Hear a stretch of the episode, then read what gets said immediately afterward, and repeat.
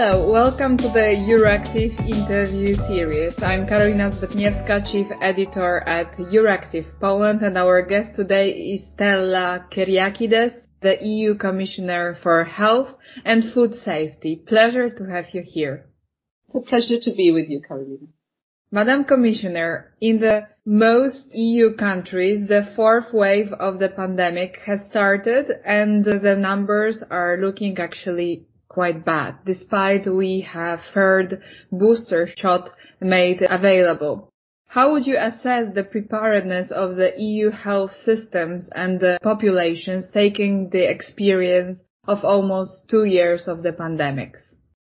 We're now, we're not where we were this time last year in 2020 because we now have safe and effective vaccines which are being used across all the European Union. I think it's very important to understand that what we have been saying for several weeks is that we needed to continue increasing our vaccination coverage and at the same time uh, keeping in place non-pharmaceutical measures such as mask wearing and social distancing when we saw that the case numbers were rising. The level of preparedness of member states in terms of the last, I would say, one year has changed significantly. And I think that the important thing here to understand is that we have now available vaccines for all the European citizens. So my message needs to be and will always be that we need to continue to vaccinate, especially as we are changing seasons. We are seeing the weather change. People are mainly indoors. We need to increase vaccination coverage, wear masks, keep social distancing, so as to ensure that we are as safe as possible. On the 31st of August this year, when the EU reached the crucial milestone of 70% of adult population being fully vaccinated, you said that the EU could not become complacent, but instead that there was a need to close the immunity gap. How does the EU actually plan to help to bridge the vaccination gaps between not only member states, but also within the member states between different social groups, including, for example, migrants? And how the EU is supporting, for example, Bulgarian and Romanian populations with just around 30% of Bulgarian adult population and uh, around 40% of Romanian adult populations being vaccinated. We had put the aim, placed the aim to reach 70% of the adult population of the EU fully vaccinated by the end of summer. And we got there. We now have over 75% of the adult population fully vaccinated in the EU and uh, just about 65% of all the population. But there is no doubt that with the Delta variant, we need to go higher. We have member states, you mentioned some of them, that uh, have lower vaccination rates, and we are seeing that they are facing more pressure on the health systems in this fourth wave.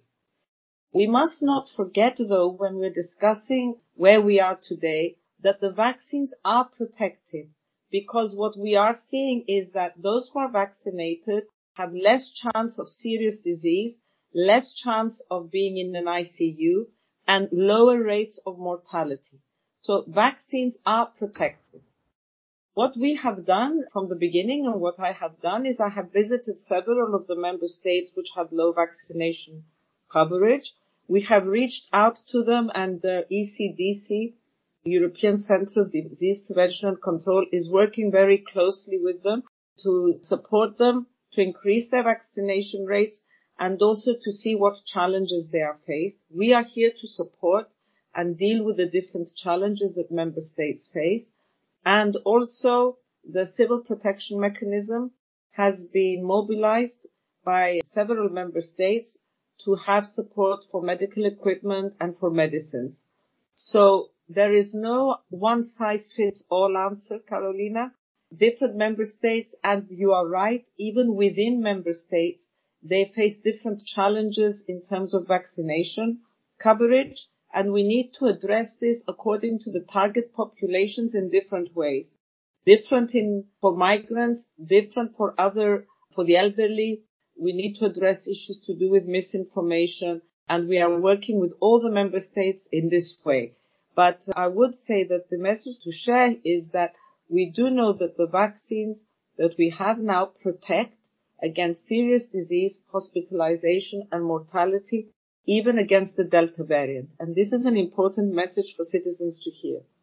Thank you very much. And as for the challenges that you mentioned, 30% of nurses have dropped out of the profession within only the last two years. What is the EU doing to build a sustainable and resilient health professional workforce? And how can the recovery and resilience plan support frontline health professionals, so not only nurses, but also doctors and pharmacists who are involved in the vaccination delivery? The health workforce, the doctors, the nurses have been at the front line of this pandemic from the very beginning for now for 22 months. And I take this opportunity to express our, our thanks to them and our gratitude for the unbelievable level of dedication and sacrifice that they have been showing from the very beginning. It is a fact that uh, we need to build up stronger health systems within the EU. And the member states have been working towards this and we are supporting them through the new EU for Health program, which has a 5.1 billion euro funding and through the recovery and resilience funds. We need to work on to building stronger Europe, stronger health systems, but also to invest in the education, in the further training of doctors and nurses to be able to support them so that they can deliver. The pandemic has shown us that unfortunately health systems were not as strong or were invested in as much as we should have had in the past. And this is now, I believe, has changed in all the member states we all, everybody realizes we cannot go back to what it was before the pandemic. And this is why we have also come forward with proposals for a very strong European health union. And part of the strong European health union involves supporting and building up on the resilience of the health systems of our member states. We need to do this not only for the cases of COVID, but also for non-communicable diseases. We need to ensure that citizens have access to best health care for all diseases. And this is important and is part of the European Health Union policies that we are putting forward together.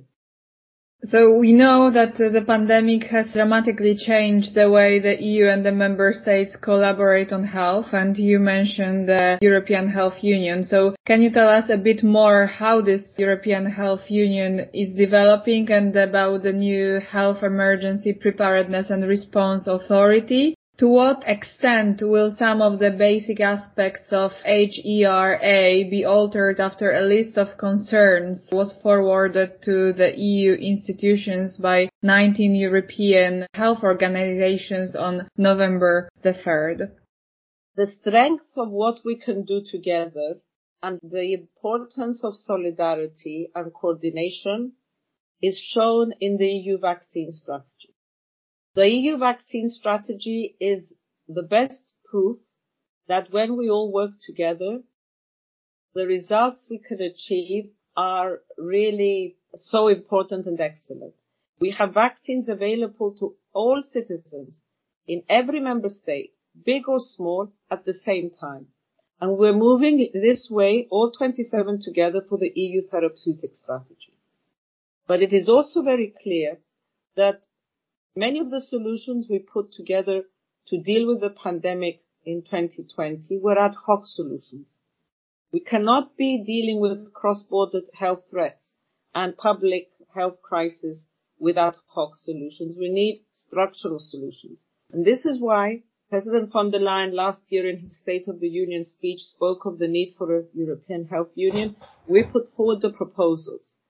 They have several different pillars. One is to strengthen the mandates of ECDC so it can deliver what we expect it to deliver in case of a crisis. The second is to strengthen the mandate of the European Medicines Agency, EMA. Both agencies have done exemplary work, but we need to be prepared in a different way. We are working towards a new pharmaceutical strategy, and I know that this is of great concern to many member states so that citizens have access to medicines and innovative medicines affordably at the same time. And we are working towards a new Europe's Beating Cancer Plan. HERA is a new authority that is now in the process of being set up. It will be up and running fully by early 2022. And it has two, I would say, important aspects. One is the preparedness mode. So it will be an authority that will be able to have a surveillance mechanism, a preparedness mechanism. So when there is no emergency, we are surveying to see what could be appearing, what, what we need in terms of medicines, in terms of vaccines. It's preparedness. But it will have also a crisis mode that will be able to immediately kick in very quick reaction to respond to an emergency. Member states are fully involved in both and in HERA, and we are working with the member states in order to put this forward. I believe that we all understand that throughout this crisis and in our proposals of the European Health Union, we're working very closely with the European Parliament and with the member states as a commission because we all need to work together but we need to be prepared in a different way for future public health crises. And HERA is the new authority that will allow us to do this. So the discussions are ongoing and uh, we hope that by January of 2022, HERA will be a fully functioning authority. With the member states, we can move ahead and really deliver what citizens expect from us. So we can say that HERA is a kind of a one big lesson learned of the pandemic and also with its uh, preparedness and the crisis mode. I don't say that it's one big lesson learned because we are still in the pandemic. And this is a pandemic where we are every day seeing new situations. But what we do know is that we need to have the structures in place to not only be able to deal with a crisis when it happens, but to be surveying, to be prepared. And this is why the European Health Union has many different pillars. And HERA is an authority which allows us to bring everything together. So really we are going to be better prepared in the European Union and also be able to respond effectively quickly. It has different aspects to it involving research, involving surveillance, involving seeing the capabilities that we have to react and then a very quick response mechanism. So together with the strengthening of ECDC, strengthening of EMA, a new pharmaceutical strategy, we are going to be with all together building a European health union that will deliver for citizens what they rightfully expect from us in the area of public health. Now I would like to ask you about the role of uh, civil society because you not only once mentioned the importance of its contribution to the EU's and member states policy making. So what is in your view the role of NGOs and how does the Commission cooperate with them to promote vaccination? I'm a very firm believer of the role of civil society and we work very closely with NGOs. We need to have all stakeholders involved when we are planning and moving forward in the area of health. And throughout this last almost two years now, all stakeholders, NGOs, civil society, industry, everybody has been involved in building up the proposals. NGOs are, have a, a very important role to play because they represent many times the viewpoints of citizens. So in the area to do with vaccinations, it's not only about COVID vaccines, it's about all vaccines. We have seen that because of the pandemic, other vaccination programs in the member states have also been impacted. Thankfully now we are seeing that these gaps are being covered, but we're working very closely with civil society to make sure that vaccination programs which protect, and we know that vaccines protect, are able to respond and um, come back to the levels they were before the pandemic, and also working with civil society to ensure that we vaccinate as many citizens as possible for COVID-19. And here NGOs have a very, very important role to play. And as a commission, we involve discussions with NGOs and with different stakeholders at every step of the way in, on all the policies that we build. Now I would like to ask you about access to other vaccines than these against COVID-19.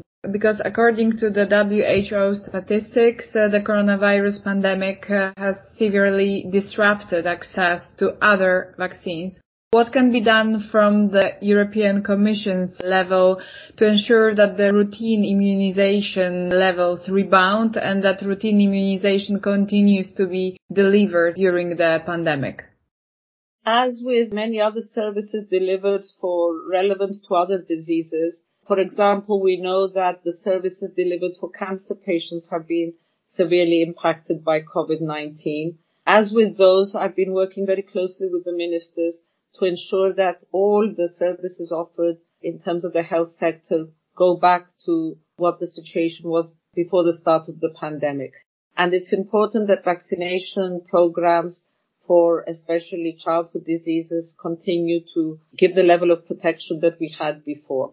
I will say here that we are now facing, as you know, a challenging situation in many member states with the ongoing increase of COVID-19 cases. So it's important that with all the ministers we work together in order to ensure that uh, all the other services for other non-communicable diseases, vaccination programs continue to be, to offer the level of protection we would want them to. So this is, uh, I think, a very important message that all vaccines protect and we need to continue with the rollout of our vaccination programs, not only for COVID-19. Thank you. What is next for the EU on the health agenda? How will the EU contribute to making national health systems resilient and more prepared for the many challenges that we face, including not only the ongoing pandemic, but also simultaneous pandemics of non-communicable diseases and mental health that Europe is uh, facing? As I said, through our new proposals on the European Health Union, we will be putting into place many structures that will be dealing with the area of health in a different way. Through our new program, EU for Health, we will be working with member states very closely in order to have strategies in place that will strengthen their health systems, but also to specifically approach other diseases. We have a Europe's Beating Cancer Plan. This is a plan already in motion that will uh, tackle the many issues that member states are dealing in the area of cancer to do with screening, with early diagnosis, a lot of actions on prevention, which is very important. And you mentioned mental health. I'm very, very happy that you mentioned that because it is an area that has often not been given the attention that should have been given. It is a priority for us, especially we have seen the impact of the pandemic, but not only and we are closely working now with our member states in order to find uh, actions in the member states which uh, can then be used in other member states to show good practice, especially with young people. So these are areas we are working continuously in. And what I can assure you is that we are dealing with COVID-19 and the pandemic, but at the same time, we are not taking our eyes off all the other areas which are so important for public health and for health within the EU. Thank you. And uh, finally, I would like to ask you about uh, misinformation and disinformation on vaccines, but also I would like to ask for your message to the people who following the disinformation threads in their bubbles, for example, often driven by irresponsible politicians and country leaders for whom the vaccination effectiveness is a matter of belief or all too often disbelief. What would be your message to the people that still haven't made up their minds as regards vaccinating against COVID-19? My message would be to follow the science. I know, I know, and I understand how tired people are. How often the messages can be confusing. How the pandemic has been now taking over our everyday lives, our working lives for almost 22 months. I can understand the tiredness and I can understand how everybody wants to go back to what we knew before. From the very beginning, I have said that what we say is follow the science. We see a lot on social media. But we need to understand also that we have the science and the numbers. And there is no doubt that the COVID-19 vaccines protect against serious disease, against hospitalization, and against loss of life. So we need to protect ourselves and protect those around us. And the European Medicines Agency, ECDC, and all the guidance that comes out are doing exactly that. We are following the science. And this is not about uh, putting uh, political views first, but putting the science first.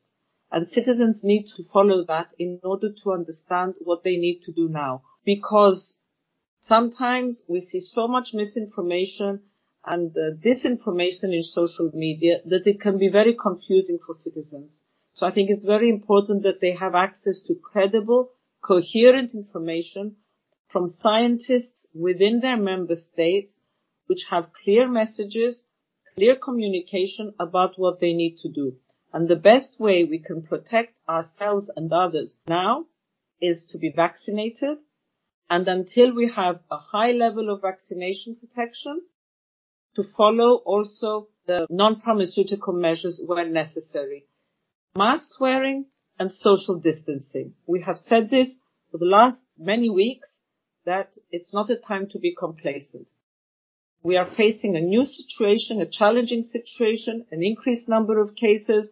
We have safe and effective vaccines. We now have approved therapeutics, which are going to be very supportive, but we also need to be taking other measures into account until we are over this pandemic. Thank you, Madam Commissioner, for your important and wise insights. Have a good day and see you the next time. Thank you.